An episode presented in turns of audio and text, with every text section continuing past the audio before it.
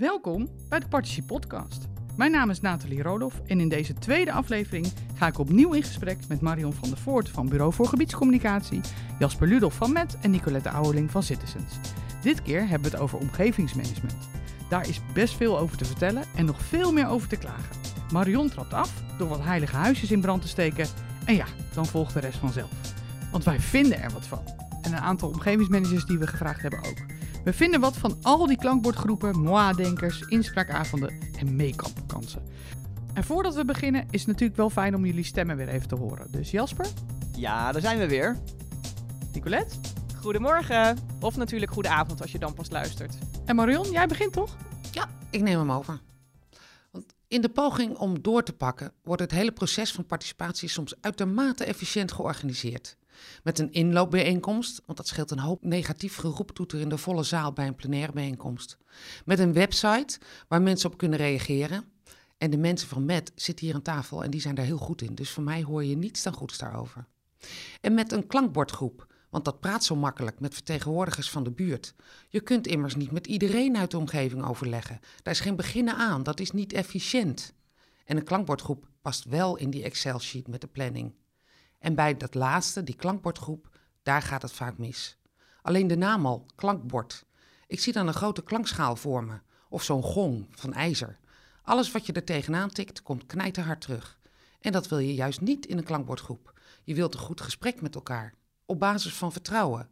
Tijdig en tijdelijk. Geen ellenlange sessies, want niemand verheugt zich daar echt op.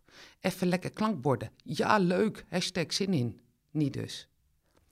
Het lastigste bij zo'n klankbordgroep is dat er vertegenwoordigers in zitten. Mensen die meepraten namens een straat of een volkstuin of een leeftijdsgroep. Maar wie vertegenwoordigen ze eigenlijk? Ze zijn niet gekozen, op zijn best zijn ze aangewezen of ze hebben zich laten aanwijzen. Alles wat ze inbrengen moeten ze eerst bij de achterban sonderen. Maar als ze iets niet willen, kunnen ze roepen: dat wil mijn achterban niet, zonder het gesprek echt aan te gaan. En zo ontstaat er niet zelden een hindermacht die je zelf in het leven hebt geroepen. De klankbordgroep als instituut waar je niet meer omheen kunt. En na vijf avonden in dat bedompte zaaltje of achter een scherm ben je geen steek verder. Maar je hebt wel aan de procedure vandaan met alle stappen die in die Excel-sheet stonden. Dat kan toch niet de bedoeling zijn? Dus weg met die klankbordgroep en ruim baan voor het echte gesprek.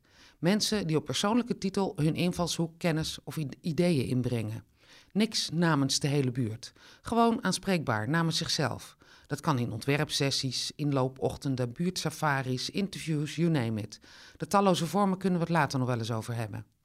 En bij die soms verrassend goede gesprekken met de ontwerpers, de ontwikkelaars, de aannemers of de wethouder, zou de omgevingsmanager al een rol kunnen spelen. Want dit zijn de gouden uren voor de omgevingsmanager. Hij of zij leert de belangen kennen. En, minstens zo belangrijk, hier leert hij de mensen kennen. Dezelfde mensen die hij in dat traject dat volgt nog veel vaker spreekt. Al fietsend door de buurt, tijdens talloze kopjes koffie bij die ene buurvrouw of in het buurthuis tijdens zijn spreekuur. Want zo kom je er echt achter wat er leeft, vanaf het allereerste moment. En die kennis neemt de omgevingsmanager mee. Daar heeft de hele projectorganisatie wat aan tijdens het daaropvolgende bouwproces. Humaniseren heette dat bij de Noord-Zuidlijn. Maak het persoonlijk en word geen instituten. Het is een beetje de aanpak van buurman en buurman, die bekende animatie. Wat voor soort buurman wil jij zijn als project? Tijdens de participatie is de omgevingsmanager dus al zichtbaar, om vervolgens in de communicatie in de fases daarna de vertrouwde speel te zijn. Iemand die de strategie van het project kent, die weet wat er speelt in de buurt en serieus wordt genomen binnen het bouwteam. En ook nog de hele buurt op de hoogte houdt. De vruchten van de participatie neem je zo mee naar de fases waarin communicatie een hoofdrol speelt. En als dat een beetje soepel verloopt, komt het de marketing ook nog ten goede. Het is misschien niet efficiënt, maar wel hartstikke effectief. Aito. Aito Marion, ik ben een groot fan van Buurman en Buurman en ik kan echt genieten van de chaos die ze creëren, terwijl je weet dat het uiteindelijk allemaal wel weer goed komt. Alleen nooit op de manier die zij voor ogen hadden. Participatie is dus ook niet echt planbaar en niet echt voorspelbaar, alhoewel velen, volgens Marion, daar heel anders over denken. Maar wat vinden jullie? Hoe zorg je voor een echt succesvol participatietraject, zonder dat je er dag en nacht mee bezig bent? Ja, goeie. Waar ik heel erg ehm, geïnspireerd door raakte, was ook het stukje van die deelbelangen. Hè? Dus eigenlijk die belangenorganisatie en die, dat klankbord. Iedereen kent dat wel, hè? Die eh, eh, vaak een beetje oude mannen die dan de buurt vertegenwoordigen. Ehm, en daarmee creëer je eigenlijk een soort extra laag van democratie, wat het alleen maar ingewikkelder maakt, ook weer voor een gemeenteraad. Want ja, dat zijn de verkozen burgers. En wat het ook maakt, is dat je daardoor minder oog hebt voor misschien de stille mensen die minder georganiseerd zijn. Dus volgens mij zit daar heel erg de crux. Hoe creëer je een brede dialoog met het gebied waar het om gaat? Ehm, maar hou je wel een klankbord, want dat zijn wel mensen die met heel veel passie en affiniteit met het gebied dat doen. Dus hoe hou je dan al die kikkers in de kruiwagen? Dat is wel meteen de vraag die bij mij oproept. Dus vooral een vraag. Ja. Ja, precies. En je ziet die mensen die in die klankbordgroep zitten, dat zijn de mensen die al hoog betrokken zijn. Uh, ik denk de uitdaging is heel erg om uh, de mensen te bereiken die nog niet zo hoog betrokken zijn. Dus die wel misschien iets van vinden of ervan gaan vinden, maar dat nu nog niet doen. En hoe spreek je die? Want die komen dus niet naar die inloopavond, omdat ze hun eigen belang misschien nog niet zo zien. Maar dat wil niet zeggen dat ze er niks van vinden. Of dat ze later in, een, in het uh, traject niet een belang krijgen. Nee, dit, dus dit vraagt echt iets van creativiteit. Uh, om, uh, om die mensen ook in, in een vroeg stadium ja, aan tafel te krijgen. Eigenlijk uit de nood te verleiden, zou je kunnen zeggen. Volgens mij kan dat heel goed op een hele ouderwetse manier en juist een moderne manier. De ouderwetse manier is dus op de fiets, de langs. Ga er maar naartoe. Spreek maar mensen die je gewoon in het speeltuintje ziet zitten... of naar de Albert Heijn wandelen of achter de rollator een rondje maken... En ook juist dat online, want daarmee bereik je ook vaak die mensen die niet echt de moeite nemen om in een klankbordgroep te gaan. Want dan moet je weer vijf keer op een donderdagavond, nou laat maar zitten. Terwijl je juist daar krijg je ook juist die oude mannen van, want die hebben daar de die tijd hebben voor. Tijd. Ja. Ja. ja, ze zijn er weer, hè, de buurtburgemeesters. We hebben het weer over ze. Ja. En dat is wat ze dus voor elkaar krijgen. Doordat zij vooraan staan en een grote snuffert uh, opzetten, gaat het daar ook over. En is het net alsof uh, wat zij zeggen ook is wat iedereen vindt. Toevallig heb ik afgelopen week een bijeenkomst gehad. En daar zaten een paar buurtburgemeesters in de zaal. Waar 50 mensen in de zaal en de andere 200 of zo zaten uh, online. En in de zaal ontspon zich een discussie tussen die buurtburgemeesters. En ondertussen zag je via Mentimeter op het scherm dat de mensen thuis zeiden: Joh, hou eens op, laat eens even zitten, die oude mannen. Ik wil graag weten dit en dat en dat. Dus dingen die ik als gespreksleider echt niet zou durven zeggen, kwamen wel op het scherm langs van mensen die zeiden: Hoppakee, gang erin. Waaruit je dus zag dat wat er in die zaal gebeurde niet representatief is voor wat alle andere betrokkenen daar ook van vonden. Ja, dit is precies de uitdaging waar je volgens mij voor staat. Weet je, of je het nou um, uh, omgevingsmanager noemt of communicatiemanager of participatiemanager. Uh, het is een versnipperd landschap. Uh, dus je kunt niet meer op één middel inzetten of één kanaal inzetten. Je moet ze naast elkaar laten lopen. En dan moet je ze ook nog op elkaar afstemmen. En ik, ik denk dat dat lijkt me. Ik ben heel blij dat ik geen omgevingsmanager ben. Dat lijkt me ontzettend lastig. Heel ingewikkeld beroep, inderdaad. Ja, en wat ik wel merk is dat je ziet dat als je online inzet, dat hebben we een aantal trajecten best wel goed doorgemeten. Wij als Citizens vinden dat echt heel erg leuk hè, om dingen door te meten. Dat als je aan het begin van een traject meer online inzet, dan reageren dus meer mensen. Maar als je hen later uitnodigt voor die bewonersavond, komen er ook meer mensen en neemt de diversiteit van je gesprekspartners ook toe. En ik vind het heel sterk dat jullie hier dus kennelijk voor een soort hybride vorm hebben gekozen van zowel iets wat fysiek plaatsvindt als iets online, waardoor je eigenlijk voor een hele brede doelgroep die meteen kan meepraten. Dus ik vind het eigenlijk heel sterk in die casus die jij net noemt. Jongens, ik zie dat Nathalie op he hete kolen zit. Volgens mij wil ze wat zeggen. Ja, eigenlijk wel. Want ik hoor jullie zo praten. En uh, wij hebben in de aanloop naar deze uh, podcast... hebben een aantal mensen gevraagd... wat is nou goed omgevingsmanagement? En ik denk dat dit wel een goed moment is... om even te luisteren naar Hellas. Hallo, mijn naam is Hellas Schelleman. Ik ben omgevingsmanager bij APPM. En mijn absolute doel voor een succesvol participatietraject is om uh, natuurlijk vroegtijdig het gesprek met je community aan te gaan. Maar kies daarin vooral een combinatie tussen een offline en een online strategie in je participatietraject. Omdat mijn ervaring is dat je met de combinatie met online ook veel jongere mensen dan je uh, normaal gesproken doelgroep aan kunt spreken en kunt betrekken. En dat is alleen maar heel erg waardevol. We zitten, wel, we zitten wel een beetje in onze eigen bubbel. Hè? Dus eigenlijk zegt zij precies wat wij net ook zeiden. Nou, we zijn het gewoon enorm met elkaar Ja. eens. Ja, het zit wel. Hella zegt eh, meer jongere mensen. Ik denk dat dat in de basis ook wel klopt. Maar het is niet alleen maar jongere mensen. En het is ook niet zo dat je automatisch meer jongere mensen bereikt. Het zijn wel misschien mensen die um, nog niet precies weten wat ze ergens van vinden. Het vooral heel goed willen volgen. En ik denk dat online niet alleen uh, voor participatie, hè, voor het uitvragen en het horen, het luisteren heel belangrijk is, maar ook om mensen langzaam mee te krijgen in wat staat er te gebeuren. Weet je, ik, vaak in het begin weet ik nog niet precies wat er aan de hand is. Heb ik eerst gewoon even de tijd nodig om te snappen wat staat er te gebeuren, wat is er belangrijk. En ik denk dat, dat dat ook een deel van online in je participatietraject is. Ja, ja denk ik volgens mij zit daar ook meteen een moeilijkheid in. Juist omdat, en dat merken wij volgens mij allemaal in de praktijk, participatietrajecten worden complexer. Er willen meer mensen meedoen. Je gaat heel veel verschillende fases in waarin je op verschillende momenten over verschillende onderwerpen met mensen spreekt. Maar heel veel mensen haken maar op een klein gedeelte aan en overzien niet het geheel. En ik heb zelf, merk ik dat, ik heb in onze straat waar ik toevallig woon, zijn we bezig met een herinddelingstraject. Ehm, als buurtbewoners willen we eerlijk gezegd gewoon hele mooie straatlantaarns, want we vinden het een chique straat. Uh, en we willen genoeg parkeerplekken. Maar ik zie ook dat de basisschool te maken heeft met auto's die af en eraan rijden en gevaarlijke verkeerssituaties in de ochtend. En er moet natuurlijk alles gebeuren rondom een infrastructuur van een straat die toch al open gaat. Ik durf het woord koppelkansen niet te zeggen, maar die zijn in dit geval toch echt aan de orde. En wat ik merk is dat er worden heel veel losse, afzonderlijke gesprekken gevoerd. Je kan online een uh, mening geven. Je kan, uh, er wordt een gesprek met de school ge ge gehad. Een omgevingsmanager die spreekt even met de buurt. Maar wat ik heel erg mis, gewoon als inwoner, is... Wat gaat er nou allemaal gebeuren? Een overzicht, een centrale plek waar je dat terug kan vinden, dat je grip geeft over het project. En daar zit wel echt de uitdaging tussen het combineren van online en fysiek. Pas op, want voor je het weet, komt er iemand op het idee. Weet je wat? We doen een klankbordgroep waar al die belangen in zitten. Oh, help. En die gaan dan met elkaar praten, want dan heb je alle belangen aan tafel. Dus dat, is, dat is wel, weet je, dat maakt het gesprek complexer, maar ook wel veel waardevoller. Juist als je allerlei invalshoeken aan tafel hebt. Maar het is niet zo dat je één iemand namens de hele buurt, want misschien wil er iemand groene en andere gele lantaarnpalen. Of is er iemand die zegt, ja, doe vooral voldoende parkeerplaatsen. En iemand anders die zegt, laten we maar drie parkeerplaatsen opofferen aan groen. En je hebt dus niet zomaar één iemand die namens jullie hele straat kan spreken. Ja, maar daar ga je niet tegen. Er zijn mensen met verschillende belangen. En overigens vind ik wanneer een, een, een buurt of een omgeving zelf met een klankbordgroep komt, vind ik dat al beter dan wanneer je hem gaat instellen. Maar de, de truc is natuurlijk, en dat hoor ik jou ook zeggen, Nicolette, mm. hoe maak je dat, dat gesprek, wat je dus op verschillende vlakken voert, hoe maak je dat een beetje zichtbaar?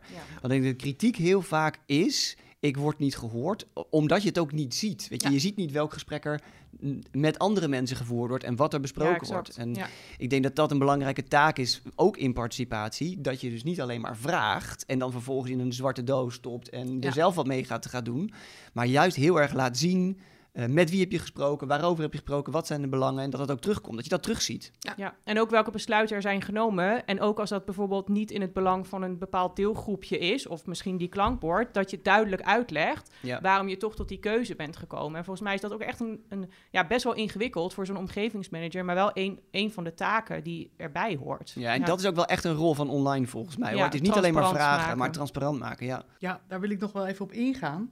Want het gesprek voeren is één, maar de discussie zichtbaar maken, hè, wat jullie zeggen, is twee. En een van de mensen die we gevraagd hebben om daar eens op te reageren, is Len. Uh, en Len heeft dat over, uh, daar gaat nog iets aan vooraf. Hè? Hoe ga je dat zichtbaar maken en wat gebeurt er dan voordat je zover bent? En daar wil ik wel eens even naar luisteren. Mijn naam is Len Haasleger en ik ben omgevingsmanager.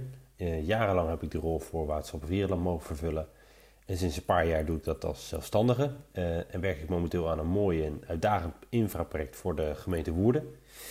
Uh, mijn absolute doel voor een succesvol participatietraject is het maximaal investeren in het opbouwen van vertrouwen. En dat klinkt misschien heel vanzelfsprekend, maar wat is echt wel wat anders dan een strak en prachtig vormgegeven participatieproces met hippe tools en flitsende communicatie. Hier draait het ook echt om jou als persoon welke rol je zelf pakt en hoe je acteert tussen project en omgeving.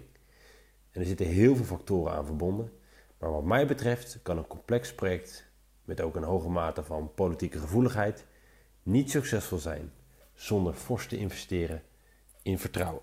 Ja, nou dat is natuurlijk prachtig wat Len zegt, maar hoe bouw je nou aan dat vertrouwen? Hoe doe je dat? Uh, ja. er, is, er is niet zomaar een handleiding voor. Maar volgens mij is dat hetzelfde als je dat uh, thuis doet of in de sportvereniging. Uh, je, je moet jezelf in de strijd gooien als omgevingsmanager, denk ik. En uh, gewoon op pad naar mensen toe. Ja, je, je maakt sowieso vuile handen volgens mij ook. Ja.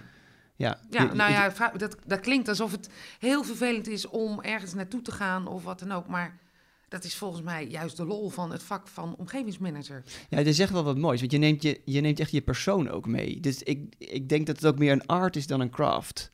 Ja, ja, ja, ja, je moet wel een bepaalde persoonlijkheid hebben, denk ik, om te zorgen dat je dat vertrouwen kunt bouwen. Toevallig hoorden we net van iemand die hier even langskwam, die zei, oh, omgevingsmanagement. Ja, dat is dus wat iemand hier van de gemeente deed. Ik eh, had een brief geschreven of had eh, een mail geschreven, wat dan ook.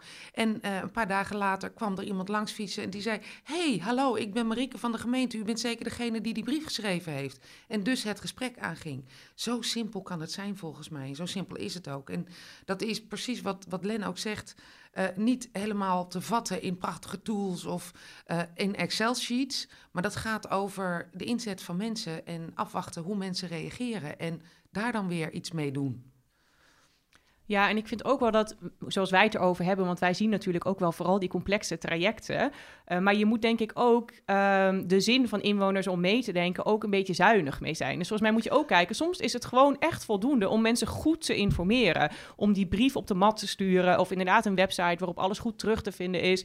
Dus ehm, dat vertrouwen zit hem ook in tijdig en helder communiceren. En dat vergeten we Ja. soms ook wel eens volgens mij. Dat dat niveau van participatie ook een hele belangrijke is. Ja. Ja. want het is inderdaad niet zo dat, dat als je dan een omgevingsmanager hebt, dat hij ook eh, vijf dagen per week daarmee bezig moet zijn. Soms helpt het al enorm als je onderaan een brief een naam zet, in plaats van een instituut, met gewoon een telefoonnummer. Nou, dat vind Want als dat je er dat staat, zegt. dan Ja. hoeven mensen vaak niet eens meer te bellen, maar dan weten ze dat het kan. Ja, ja. En als je belt, dat je dan ook diegene aan de telefoon krijgt. Ja, dus dat is een beetje de, het woordvoerder aspect bijna van omgevingsmanagement. Ja, en niet meer iemand die het hele project uitgelegd moet krijgen met alle historie die daarbij komt kijken. Want dat is natuurlijk ook echt een gave die je moet hebben. Hè? Snap je en doorzie je het traject en hoeven mensen niet steeds opnieuw hun verhaal te doen. Want dan gaat je vertrouwen natuurlijk, hoe gaat dat ook alweer? Het komt te voet, het gaat te paard. Ja. Ja. Ja, en zeker geen nummer van een klantcontactcentrum eronder zetten. Oh, daar heb ik zo'n echt gruwelijke hekel aan. Met een doorkies nummer erbij. Oké, maar stel nou dat je dat even niet anders kunt organiseren. Zelfs dan zou je ervoor moeten zorgen dat het klantcontactcentrum precies weet bij wie je moet zijn. ja, En alleen- zorgen dat je teruggebeld wordt. En daar zijn die, die, die, die tools zijn daar prima voor in te richten. Maar het gaat erom, ben je bereid om achter, achter dat logo vandaan te komen? Precies. En ik zie een heleboel omgevingsmanagers die dat fantastisch doen hoor. Dus eh, eh, Ja, en volgens mij, maar dat is meer ook een beetje gevoelsmatig. Kijk, heel belangrijk bij vertrouwen is ook helder hebben van waar ga ik eigenlijk over en waar ga ik niet over. En ik zie dat bij gemeenten is dat soms nog best wel een beetje onduidelijk en diffuus. Wat is nou daadwerkelijk de ruimte waar we het over hebben? Terwijl een projectontwikkelaar kijkt ook gewoon naar het moet uit eh, kunnen. Eh, Ja. en ik heb een opgave, wat wel maakt dat die kaders soms wat makkelijker zijn. Kan ik me voorstellen, juist voor zo'n marktpartij, om die mee te geven. En inwoners snappen dat natuurlijk ook donders goed. Maar daaraan zie je dus ook wel waar, waar het ook precies gaat, misgaat bij klantcontactcenters. Misschien moeten we daar een volgende over, over maken. Want ik zie gelijk van alles nog wat. Maar ehm, dat, dat als je namens een gemeente werkt, dat je dus inderdaad ook donders goed moet weten wie zit er achter je. Wie gaat over die lantaarnpaal? Wie gaat over het ophalen van de vuilnis? En daar rechtstreeks lijntjes mee hebt. En niet moet zeggen, nou dank u wel dat u me dit verteld heeft. Eh, vervelend dat u erbij moest huilen. Weet u wat, ik geef u een dossiernummer. Ik geef het door. Ja, dat werkt natuurlijk niet. Dus je moet wel weten wie er achter je eigen organisatie zitten. Ja, en misschien moeten we het daar eens even eh, gaan vragen aan Johan. Eh, want als je het hebt over je eigen organisatie, dan eh, heeft Johan Simon daar nog wel wat over te vertellen. Mijn naam is Johan Simon. Ik ben als omgevingsmanager vooral werkzaam in de energietransitie. Er is iets geks met dat woord omgevingsmanagement. Het doet namelijk vermoeden alsof je vooral in de omgeving buiten de eigen organisatie actief bent. En dat is wat mij betreft een hardnekkig misverstand. Ervaren omgevingsmanagers zullen herkennen dat juist de interne organisatie grotendeels het succes van de omgevingsmanager bepaalt. Je bent vaak meer tijd in de eigen organisatie kwijt aan het vinden van begrip voor de omgeving dan andersom. Dat is niet erg, sterker nog, het is wat mij betreft precies onze taak. Wij moeten niet zoeken naar hoe we de omgeving voor het karretje van onze organisatie kunnen spannen, maar juist hoe onze organisatie de belangen van de omgeving kan dienen. Mijn beste advies is daarom: begin binnen. Organiseer zo vroeg mogelijk bij jouw collega's ruimte om de belangen van de omgeving bespreekbaar te maken. Haak collega's direct aan en laat ze expliciet uitspreken hoe ze jou gaan helpen zoeken naar manieren om de belangen van de omgeving een plek te geven. Doe je dat niet, dan loop je op den duur onherroepelijk intern vast en raak je extern al je vertrouwen kwijt. Kortom, het venijn zit in de start. Need I say more? Dit is dus inderdaad precies het. Ja. Het is uh, binnen moet je hebben. En wat hij eigenlijk ook wel zegt, je moet als omgevingsmanager donderstevig in je schoenen staan. Je moet niet aardig gevonden willen worden. Je bent het over het algemeen wel, maar buiten ben jij degene die uh, uh, de, de heisa van binnen meeneemt. En binnen ben jij degene van, oh god, dan heb je die weer met die heisa van buiten. Dus uh, op allebei de plekken kom je niet met het meest fijne bericht misschien. Waardoor je stevig in je schoenen moet staan. Maar dat, dat is precies het waardevolle van een goede omgevingsmanager. Want voor wie is dan een goed, wie is dan, hè, voor wie ben je een goede omgevingsmanager? Johan zegt, je bent een goede omgevingsmanager als je dus de buitenwereld naar binnen weet te trekken. Ja. Maar ik vind ook, en dat, ik ben het helemaal eens met Johan, en ik vind het heel, ik ken hem, dus ik vind het heel krachtig hoe hij verschillende competenties in zichzelf verenigt, namelijk een stevig uh, adviseur zijn, ook richting politiek, van hoe gaan we zo'n ding nou uh, aan? Uh, enthousiasme om een organisatie mee te krijgen en een prettige gesprekspartner in die normale taal spreekt voor de buitenwereld. Precies. Hij verbindt dat heel mooi. En als ik dat allemaal zo bekijk en ik heb er wat vacatures op nageslagen aan de eisen die aan een omgevingsmanager gesteld worden, dan denk ik, nou, dit mag wel de best betaalde baan van de gemeente worden. Um, daar vraag je nogal wat. Je moet bestuurlijk sensitief zijn, je moet in gesprek kunnen met inwoners, verstand hebben voor communicatie, ook best wel een beetje technische, uh, ruimtelijke inzichten Zeker. in jezelf verenigen en nog eens bijblijven in een vakgebied wat continu verandert en waar nieuwe wetgeving op afkomt. Halleluja. Ja, nou, het is geen eenvoudig vak. Er is geen school voor. Nee. Er is geen HBO-opleiding omgevingsmanagement. Nee. Nou, zullen we iets gaan oprichten met elkaar? ja. Nou, en, en wat je inderdaad daar zegt, van wat dan ook heel belangrijk is, dat je eens iets snapt van die techniek. Van, uh, nou ja. jongens, we gaan een vloer vlinderen. Dat je wel weet, oh, dat is dus heel veel lawaai voor mensen. En dat kunnen we niet even stopzetten omdat het vijf uur is, maar we moeten door. Wat betekent dat dan? Ik weet nog zo goed dat we een traject deden in Zuid-Laren, was dat volgens mij. En we spraken met een stedenbouwkundige en die had het keer over rooilijnen. En ik wist gewoon niet eens wat dat was. Je staat dan zo 1-0 achter. Uh, dat is echt ontzettend ingewikkeld. ja. ja. Dus je moet een beetje verstand hebben van zaken. Ik moet ook een beetje denken aan wat, uh, wat Len net zei. Want dat, dat, dat vorige quoteje was van, van Len Hazeleger. Uh, uh, die had het over vertrouwen. En ik denk dat dat vertrouwen... Dat, ik denk dat je dat snel denkt, vertrouwen naar buiten, vertrouwen in de omgeving. Maar ik denk dat je intern ook heel erg moet bouwen aan vertrouwen. Zeker. En daar gelden misschien wel dezelfde regels voor. Dus ja. het, is, het is niet planbaar. Je kunt het niet één keer per week eventjes in een overleg... krijg je niet vertrouwen. Nee. Nee, dat, dat ontstaat. En doordat je het vertrouwen buiten hebt, krijg je het ook meer binnen. Omdat je inderdaad de goede dingen er binnen brengt. En dus hoor je ook weer de juiste, krijg je de juiste informatie. Kun je de juiste uh, uh, interventies maken aan die projectgroeptafel. Waardoor ze buiten ook snappen, oh wacht even, die meneer of die mevrouw... Die snapt echt waar het over gaat en die heeft ook echt invloed. Ja, en het, gaat, het heeft wel te maken met het opdelen in kleine stukjes. Ja. Dus je, een gesprek, we zijn, nou jij noemde net in je column al die Excel-sheet. Het is niet zo heel planbaar, maar juist die kleine gesprekjes, al die korte momenten tussendoor, die zorgen ervoor dat je wat meer van elkaar gaat begrijpen. Precies. En als je dat weet te organiseren, dat is inderdaad minder makkelijk planbaar, maar dat maakt uiteindelijk dat je op de hoogte blijft en dat je kan meegroeien en dan kan er vertrouwen ontstaan. Het gaat dus om die kleine gesprekjes. Ja, de kleine gesprekjes en uh, waardoor je weet wat er gebeurt. Waardoor je weet dat als Sinterklaas aankomt dat er in dat huis met kinderen veel gebeurt. Enzovoort. Ja, je kan ook ontzettend gehoord en gezien worden dus buiten de inhoudelijke context van het project om. Hè? En daar zit dus ook wel heel veel vertrouwen in. En je moet dan wel echt in die haarvaten zitten van zo'n gebied. Precies, dit ja. is iets wat je niet kunt uitleggen. Nee. Dit moet iemand snappen of niet snappen. En als iemand dat snapt, dan ja. is die goud waard voor een bouwplaats op hele complexe omgevingen. Nou, het, het, het mooie is dus dat je als omgevingsmanager zowel in dienst bent van de organisatie als van de omgeving. Maar de organisatie, die betaalt je, die betaalt je salaris. Dus daar moet je ook verantwoording over afleggen. En dat is ook logisch, hè? want uiteindelijk, je wil dat een project op een gegeven moment af is. Dat wil de omgeving, dat wil de organisatie. Het liefst een beetje binnen de planning en binnen de kosten.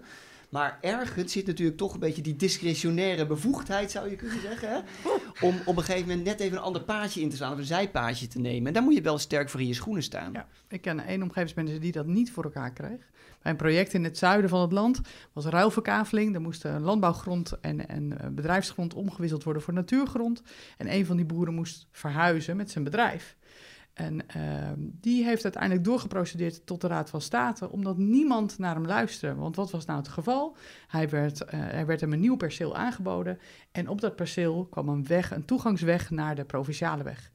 En eh, dat vond hij onacceptabel. En dat ging niet zozeer om de weg. Maar uiteindelijk bleek het dat hij altijd vrachtwagens op zijn erf kreeg met een aanhanger. En die aanhanger kon de bocht niet maken voor eh, op het nieuwe perceel. En had niemand aan die man gevraagd... wat is nou Wat is eigenlijk je nou probleem? Ja, En hij, het enige wat hij wilde was iemand die begreep dat hij twee meter breder een oprit wilde hebben.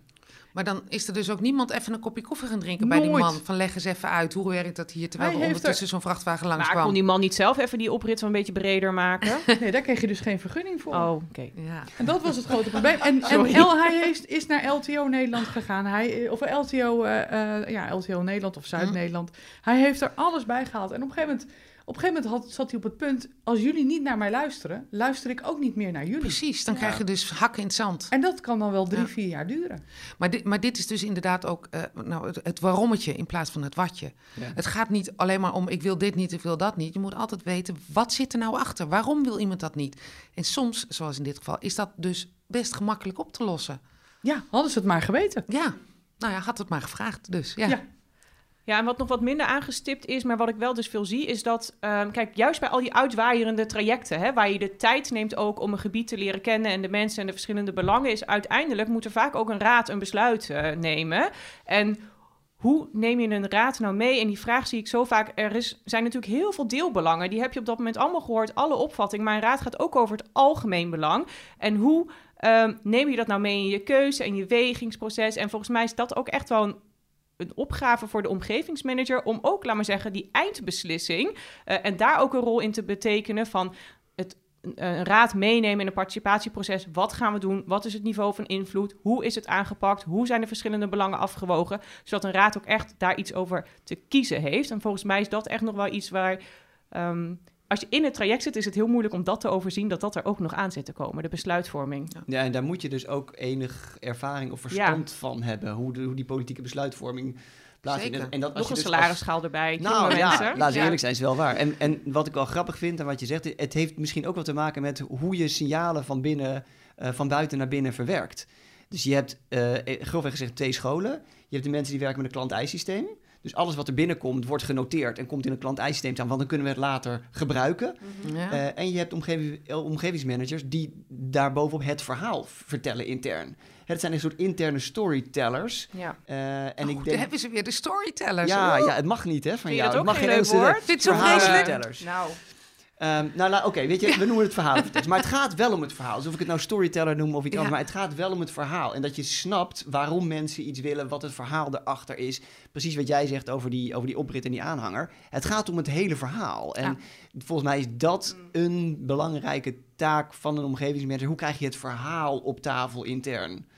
Ja, ik hoor jullie dus praten en ik hoor, er komen echt zoveel jeukwoorden voorbij. Ik hoor net eh, storytellers, Sorry. Ja, meekoppelkansen, klankbordgroep. ja. En wat is dan de allerergste?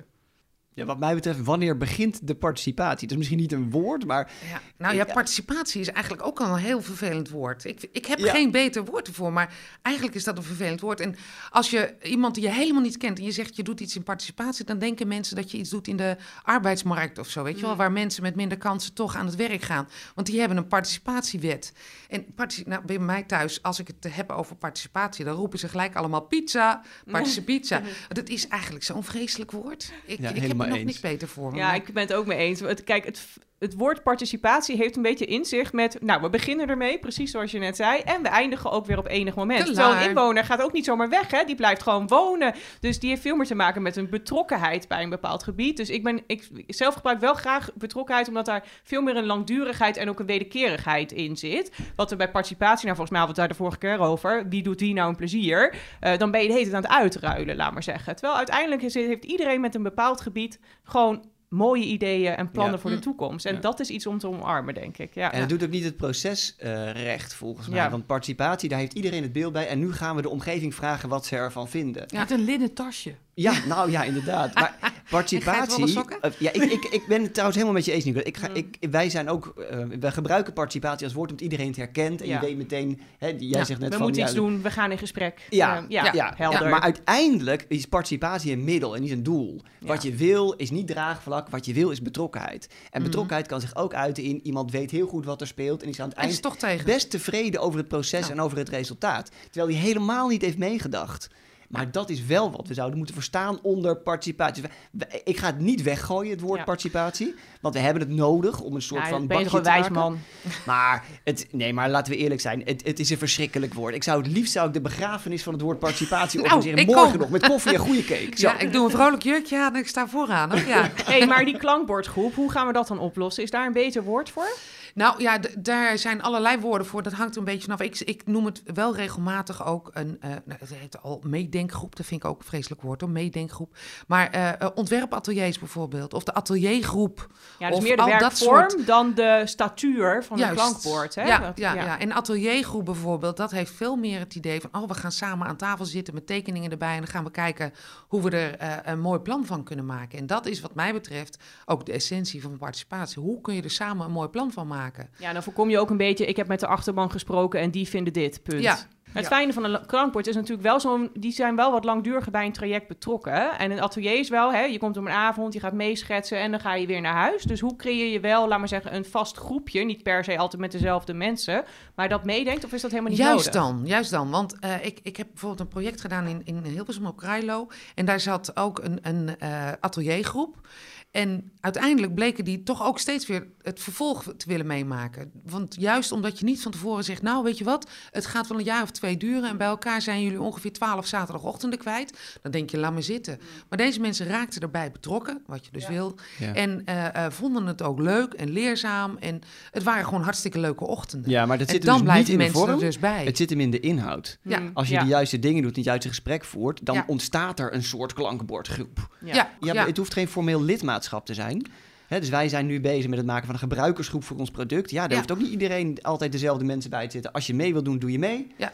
Eh, je hebt een belang en, eh, en dat bespreken we met elkaar. Ja, en ik vind een klankbordgroep is ook zo formeel. Hè? Ik heb altijd het idee, is er, gaat dan iemand de notulen maken? Nou, En de notulen Oh ja, worden dan gedeeld. zeker. En, En, dan, de volgende vergadering begint met het bespreken van de De notulen van de van vorige... en dan zijn we anderhalf uur verder. Ja, en ik snap wel dat het is ook een jeukwoord. Ik ben het helemaal eens. En toch heb je dit soort woorden soms nodig om een soort common ground te creëren. Van waar hebben we het over? Ja. Dus eh, ja, ik, wil- ik ben er wel wat vergevingsgezinder over hoor. Ook over dat gebruik van het woord participatie.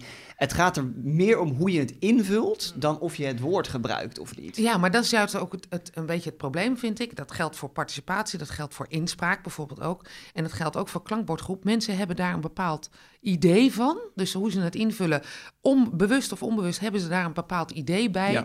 Waarmee de vorm al vaststaat. En als je dan, ik begin bijvoorbeeld met, nou, weet je, notulen, daar doen we niet aan. Een afsprakenlijstje, dat scheelt heel veel discussie. Ja. Ja, nee, maar dat kan niet, want ik zit in de klankbordgroep om een woordje te doen. En dat wil ik ook wel terug kunnen lezen in de notulen, zodat mijn achterban ook ziet dat ik dat, ja, dat Ja, en doen we dus klankbord niet. heeft wel heel erg, ik reageer op voorstellen in Ja. zich. Hè? Er, Ja. er komt een geluid terug, precies zoals jij dat in je column omschreef. En ik kan me ook voorstellen dat zeker voor een wat jongere generatie klankbordgroep gewoon niet zo aantrekkelijk eh, is. En dan ben ik echt al deze week 41. Ehm, maar nog steeds voelt dit als een beetje een belegen term. Ik zou, ja, dus eh, visiegroep, ja, misschien, ja, dat is misschien ook niet helemaal. Maar voor een jongere generatie zou ik echt naar een heel ander soort woord gaan. Ja, nee, dat ben ik met je eens. Niet alleen voor de jongere generatie. Mm, Oh, Ik denk iedereen die wel eens eh, slechte ervaringen heeft gehad bij een inspraakproces of bij een eh, participatiegroep of een klankbordgroep, die denkt, laat maar zitten, dat heb ik al een keer gedaan, dat hoef ik niet meer. Ja, dus Toch als je, gewoon die de- denktank? Ja, als je deze podcast luistert en je denkt, ik weet wel hoe zo'n ding moet heten. Laat het ons vooral Laat het ons weten. weten. Wat Dus kan we- je winnen, mensen? Hebben we nog een mok hier eh, van, eh van We, Matt? we verzinnen een mooie Ja. prijs. Ja, nee, we gaan niet doen. Ja, Een ex- excursie naar een klankbordgroep of zo. Ja. Nee, nee, nee. Nee, een ander woord voor participatie en voor klankbordgroep. Yes. Ja. Ja. Maar de Partnership podcast houden we erin, hè? want iedereen weet toch wel gewoon wat participatie is. Ik, ik, denk, wil nog even. We zitten hier lekker aan tafel te praten over omgevingsmanagers. En we hebben natuurlijk ook wel een aantal omgevingsmanagers gesproken. Dus in die zin ook wel met in deze podcast. Maar ik, ik besef me wel dat dat het voor mij vanaf de zijlijn vrij makkelijk praten is. Ik zie een hele hoop mensen die met hart en ziel werken aan ehm, een, een goede relatie tussen eh, project, eh, organisatie en omgeving. En daarin sommige dingen hartstikke goed doen en sommige dingen misschien minder goed doen. Maar ehm, eh, het lijkt me ook best wel een lastig vak. En, en ik denk echt dat je er een beetje talent voor moet hebben. En eh, ja, gelukkig zie ik er heel veel die daar talent voor hebben. Ehm, als ik het even samenvat, dan ehm, eh, is de omgevingsmanager. Ja, dat, dat is een soort eenhoorn. Het, is een, het is een eenhoorn. Het is iemand die eigenlijk niet bestaat. Het is iemand die de hele dag bezig is om puzzels te leggen, om dingen te doen die veel meer tijd kosten dan hij of zij van tevoren had gedacht. Die de hele tijd moet zorgen voor overzicht, stelling moet nemen, ehm, de buitenwereld naar binnen moet halen, de binnenwereld naar buiten moet brengen. Ehm, en eigenlijk is mijn conclusie vaker effectief is dan efficiënt. Dus daar zou je naar moeten streven.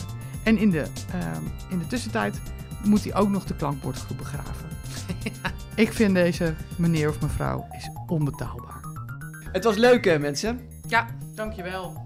hartstikke leuk.